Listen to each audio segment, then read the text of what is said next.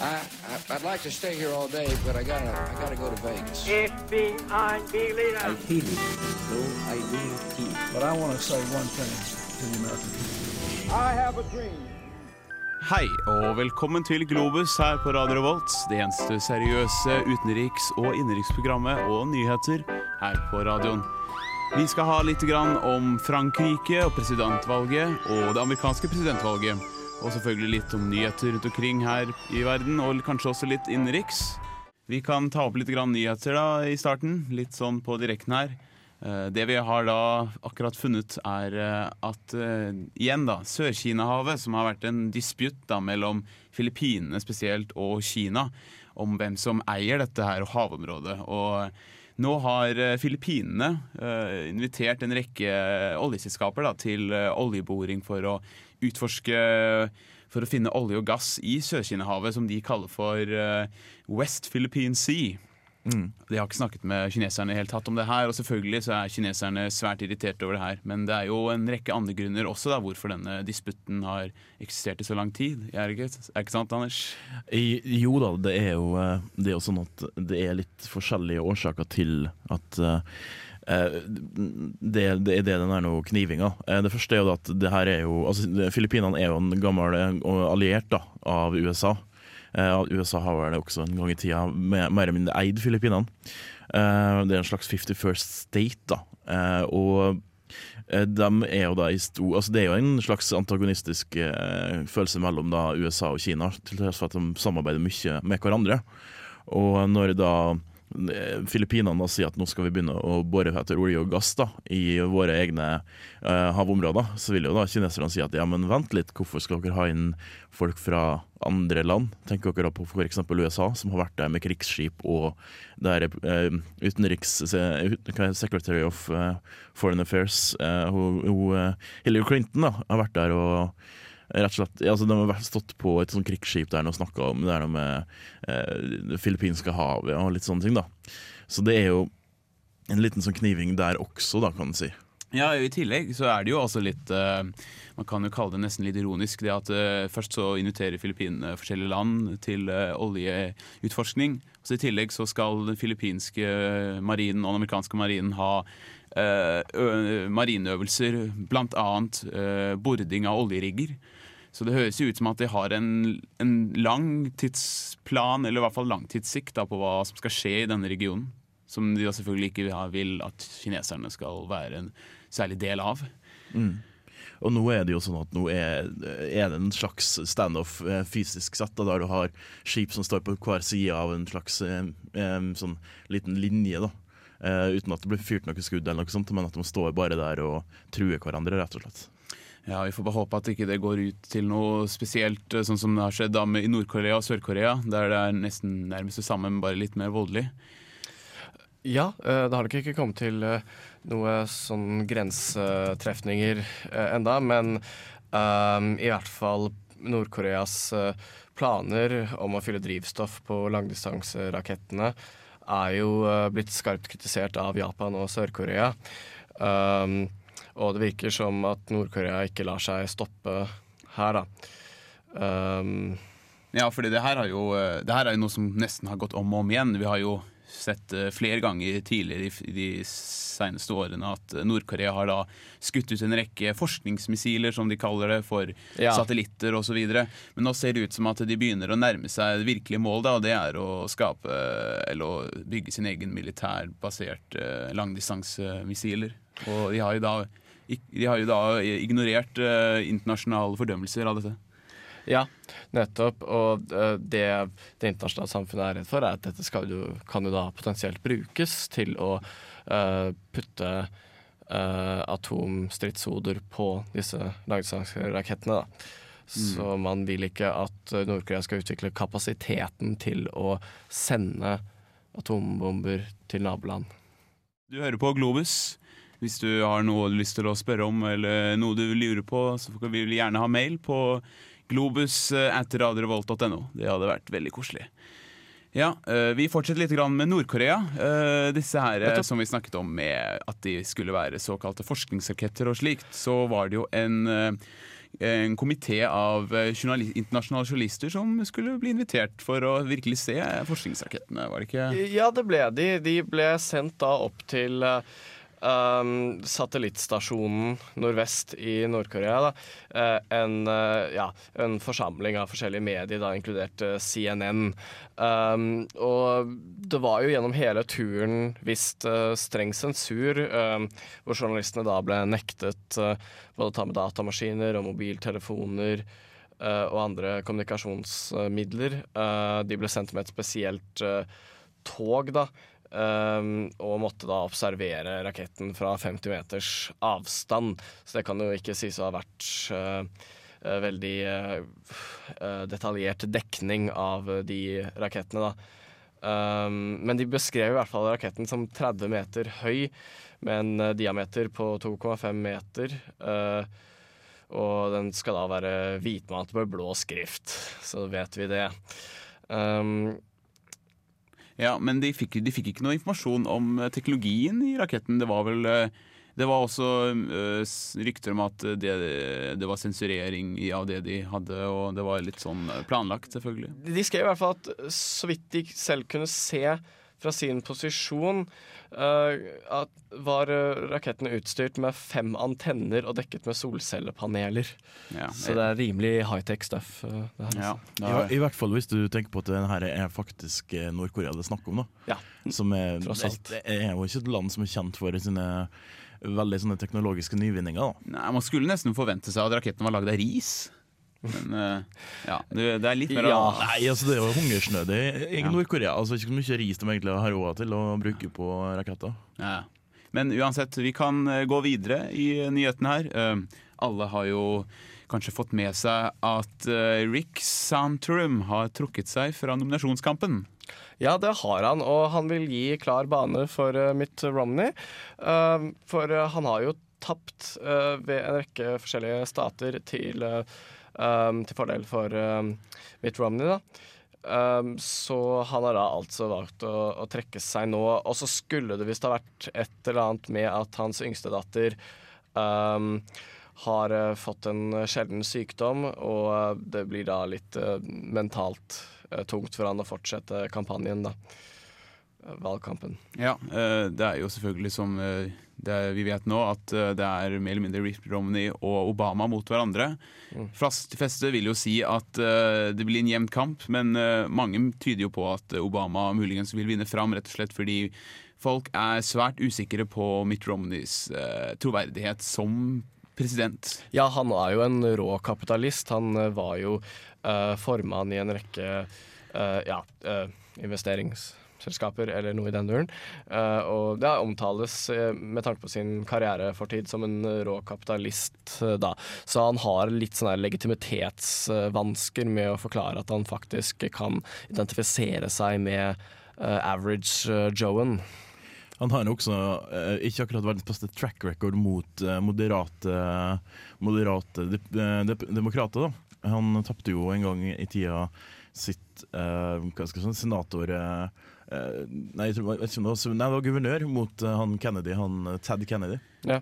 Og etter det så har han også samarbeidet med Ted Kennedy. Så han er kanskje samtidig som han eh, sliter litt mot de moderate demokratene, så sliter han vel også litt med det at eh, han tross alt er ehm, såpass moderat at de som er, de som er eh, right-wing eh, republikanere, kanskje ser på han som omtrent ikke et nødvendig onde engang. I hvert, fall, I hvert fall med tanke på verdispørsmål som uh, ekteskap, eh, abort, homofili etc.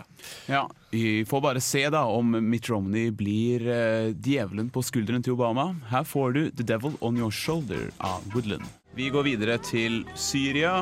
Vi skal bare raskt innom et stort problem som eh, vi alle da vet at eh, denne freds... eh, denne ceasefire, våpenhvilen som skulle skjedd i går, eh, har da ikke ser ut som å trekke kraft i det hele tatt. Eh, Assads regjeringsstyrker har fortsatt offensiven, og de har til og med sendt inn stridsvogner. Eh, og det har virkelig vært Den siste uka har det vært eh, forferdelige opp, opptøyer, og det har virkelig har blåst opp med eh, forferdeligheter. Akkurat som man ville forvente seg. Det var en norsk generalmajor som skrev til Aftenposten at eh, dette, er forve- dette kan man forvente når man setter en tidsfrist, så prøver da eh, begge sider å gjøre mest mulig vold mot hverandre innen fristen, for å bare få gjort det de skulle gjøre. Ja, Gjort altså, unna litt. Ja, ikke sant. Eh, og så har det jo vært fremmet da eh, forslag om at de væpnede opprørsstyrkene da også skal legge ned våpenet, eller det var vel fra Assad-regimets uh, side, da, men uh, talsmenn for den frie syriske opprørsgruppen har jo sagt at det er uaktuelt før regjeringsstyrkene trekker seg unna, da. Um, og at de har liten tro på regjeringen med, med god eh, grunn, da, for eh, det virker jo som at uh, uh, som sagt, uh, Assad-regimet vil få det meste av ødeleggelsene gjort i tide før våpenhvilen. Ja, Det må jo også nevnes at Kofi Annan har jo presset hardt på Assad med samtalen med han man at uh, få i gang denne våpenhvilen. Og det var jo hans initiativ som fikk denne våpenhvilideen til å komme fram.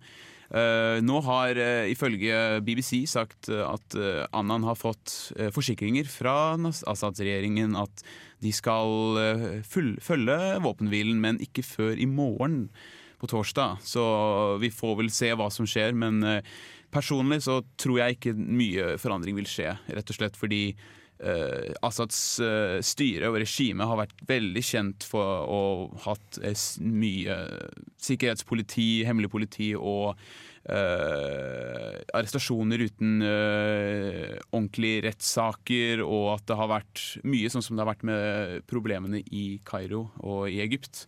Og jeg tror bare at det her vil stoppe en mulig åpen offentlig konflikt, hvor som vi ser da en slags borgerkrig, og det går bare tilbake til undergrunnen og, som vanlig. Og det, det, er, det kan man ikke gjøre så mye med utenom eh, internasjonalt press, som da Annan håper vi skal fortsette å gjøre. Hele verden er da forent til å stoppe Assad-regimets vold.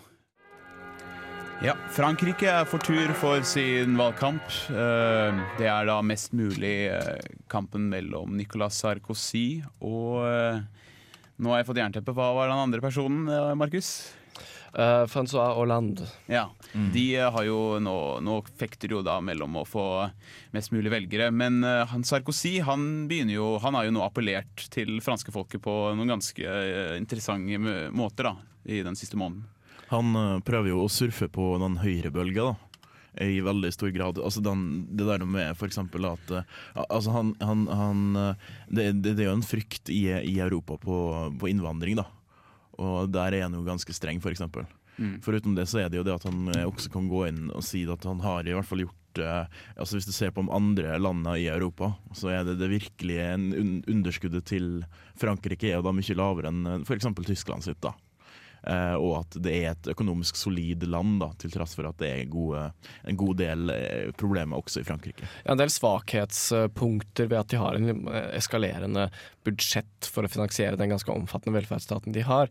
Nå har de også mer solid økonomi, større ressursgrunnlag enn det f.eks. Spania og Hellas har hatt lenge. Men eh, de har også en påfølgende eldrebølge som gjorde at de måtte ta grep for noen år tilbake, og Sarkozy ble upopulær da også. Um, men uh, han driver jo da og bruker disse økonomiske krisetidene som uh, uh, en slags sånn uh, uh, dystopi for uh, at velgere må helst stemme på han. Han sier at hvis folk stemmer på Francois Hollande, så kan vi ende opp som våre spanske og greske venner, som jeg sit siterer han på. Ja. Um, det er det der med, i hvert fall det der med, med altså Det trekker veldig opp det der med for eksempel den forestående uh, eldreboomen som vi kommer til å få. da Eh, Og han har blitt veldig upopulær på det der med at han, han eh, økte pensjonsalderen. Men eh, det er kanskje det som trengs også for å redde Europa i framtida? Helt klart, helt klart realistisk, men ikke nødvendigvis populært. da. Nei, de er vel ikke kjent for å egentlig være så glad i sånne, sånne endringer som ikke er til folkets uh, mest behagelige. Uh, Sarkozy, altså? Han, Nei, altså jeg tenker på det franske folket, da. Ja. På at ikke, altså, jeg kjenner ikke noen stemmer på å gjøre det her, nå, men det er kanskje nødvendig å gjøre det likevel. Ja, ja nett, nettopp. Det er jo altså øh, ikke populært nødvendigvis, men nødvendig. Det var jo som masse demonstrasjoner mot det øh, for noen år tilbake, men han måtte bare gjøre det. Men han er jo også kjent for å være handlekraftig til en viss grad. Han uh, tok satt jo veldig hardt mot hardt under de Paris-demonstrasjonene eh, når det var innvandrerungdom som eh, gjorde opprør i, i forstadene for noen år tilbake. Og, og nå han, viser han jo så handlekraft på en litt sånn høyreorientert måte ved å utvise radikale muslimer fra Frankrike i hopetall. Eksempel en, eh, en radikal imam fra Mali ble jo sendt tilbake til Mali nå. Uh, og det, det er det han har å spille på, da, men han kan til tider fremstå som litt sånn rabiat og desperat i debattene mot uh, Francois Hollande, da, hvor Ja. Hollande virker mer avslappet. Ja, det er jo litt sånn med, som du sier, at uh, Francois Hollande han prøver jo å stemple seg som en mer monsieur normal person da, i forhold til Sarkozy, som han da mener er litt sånn svært handlekraftig, men litt rask i svingene. Og da Frans, eh, Francois Hollande prøver jo da selvfølgelig å appellere til den gruppene med, som er eh, Han er jo en venstreperson, men han ser ut til å være den mest moderate eller konservative av de personene. Ja, altså, du kan vel se på det som en slags arbeiderparti. Mm. Eh, så- Sosialdemokrater, rett og slett. Um, og det, altså, de, det jo, de driver på til de moderate stemmene som ligger i midtsjiktet. For at de fleste, altså hvis du ser på en sånn Nå glemte jeg ikke hva navnet heter, da, men uh, alle som har tatt statistikk, så ser du at man har en bellkurve, hva det heter. ja. Der du har at, altså, Fløyene er eh, i all hovedsak mye sm- sm- småere enn det, det midtsjiktet. Moderate midtsjiktet, så han prøver da å erobre det da, mer enn det han prøver å appellere til da, den som ligger ytterst på venstre fløy, for der har du jo kandidater. Og, eh, og han prøver heller da å ta det sånn moderate som stemte på Sarkozy ved forrige gang. da. Um, det er jo, sånn, det, det, det er jo ganske spesielle sånn, eh, kandidatene på sidene av eh, Sarkozy og eh, han eh, Nå fikk jeg jernteppe. Hollandi. Holland. Det må vi lære oss i tilfelle han blir valgt. Eh, men altså, du har jo han eh, Hva heter han? da? Han eh, M- Mélenchon, eh, som er jo da ytterst på venstresida. En, en eh, sånn smågal greier. Alle med rike skal omtrent betale 100% skatt, sånne ting. Eh, og så har du da Le Pen da, på andre sida igjen, da, som er jo ja, rett og slett fremmedfiendtlig, kan vi vel si. Ja, Marine Le Pen, datteren til Jean-Marie Le Ja. Pen, som nå har tatt over. Um, og hun uh, vil jo prøve å fronte eh, Nasjonal Front um, ved å fortsette på den veldig sånn der eh, agiterende stilen, da. Ja, uh, vi får sette konklusjonen der, med at Sarkozy og Hollande vil fortsette med sin fekting mellom hvem som kommer til å få makten. Det får vi jo finne ut. Når er det, når er det valgkampen her? 22. april er det. 22. april, ja. Ja. Vi får gå videre her i sendingen i Globus. Her har du 'Soon a Brighter Day' av Mathias Stube. Du hører på Globus her på Radio Revolt. Klokken er 15.40, og her får du Stally med Volley Express. Det var Stolly med Ikke Stally. Jeg beklager her. Jeg tipper jeg kommer til å få litt kjeft her fra musikkredaksjonen. Men eh, du hører fortsatt på Radio Revolt her, og det er programmet Globus.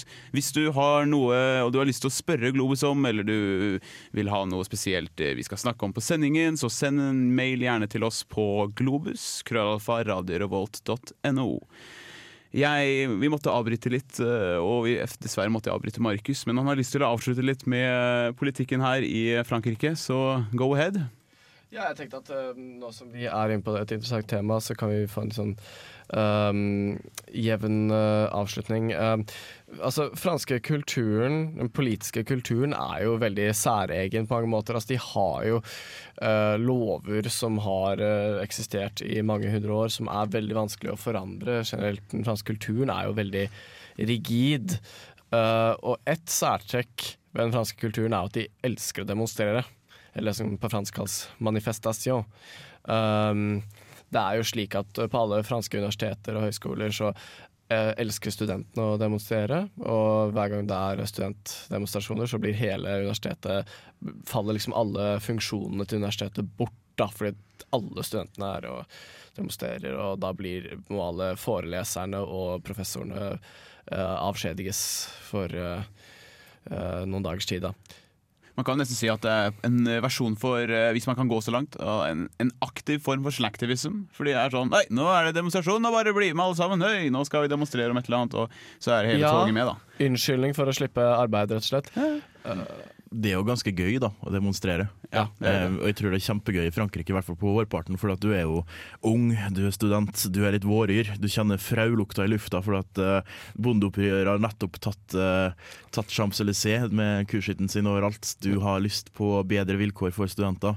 I Norge så sny, syter vi jo egentlig bare syter om det samme, altså Jeg begynte som student for seks år siden. Seks år, Det er fremdeles det samme vi klager på til, altså gjennom NS, NSU nå.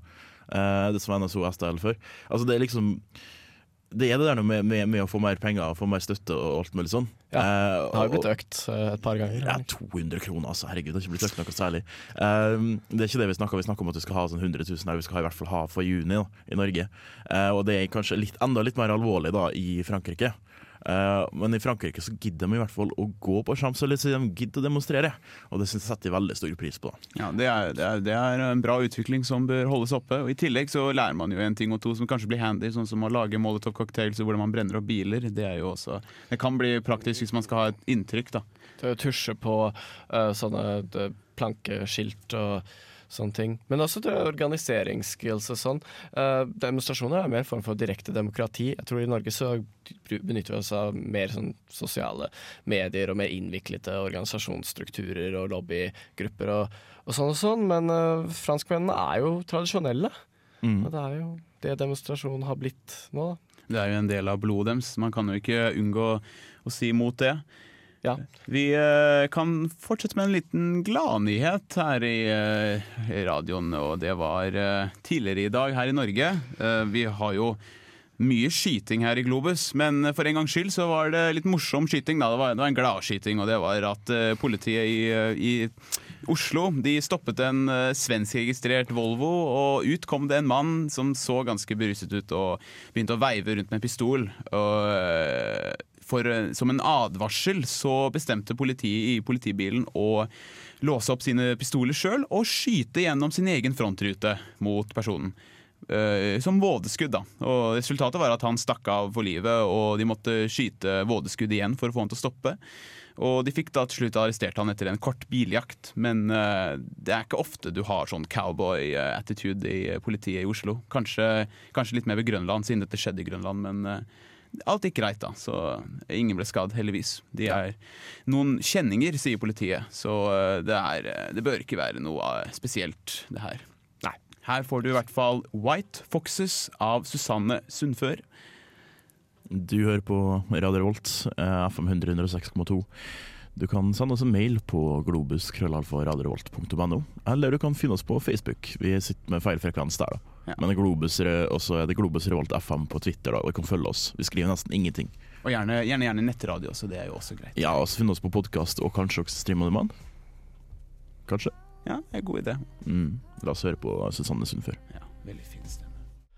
Ja, da har vi kommet til veis ende her i eh, Globus-redaksjonen, og eh, vil bare takke alle lyttere som eh, tunet inn for dagens sending. Håper det ble en veldig fin og um, informerende affære.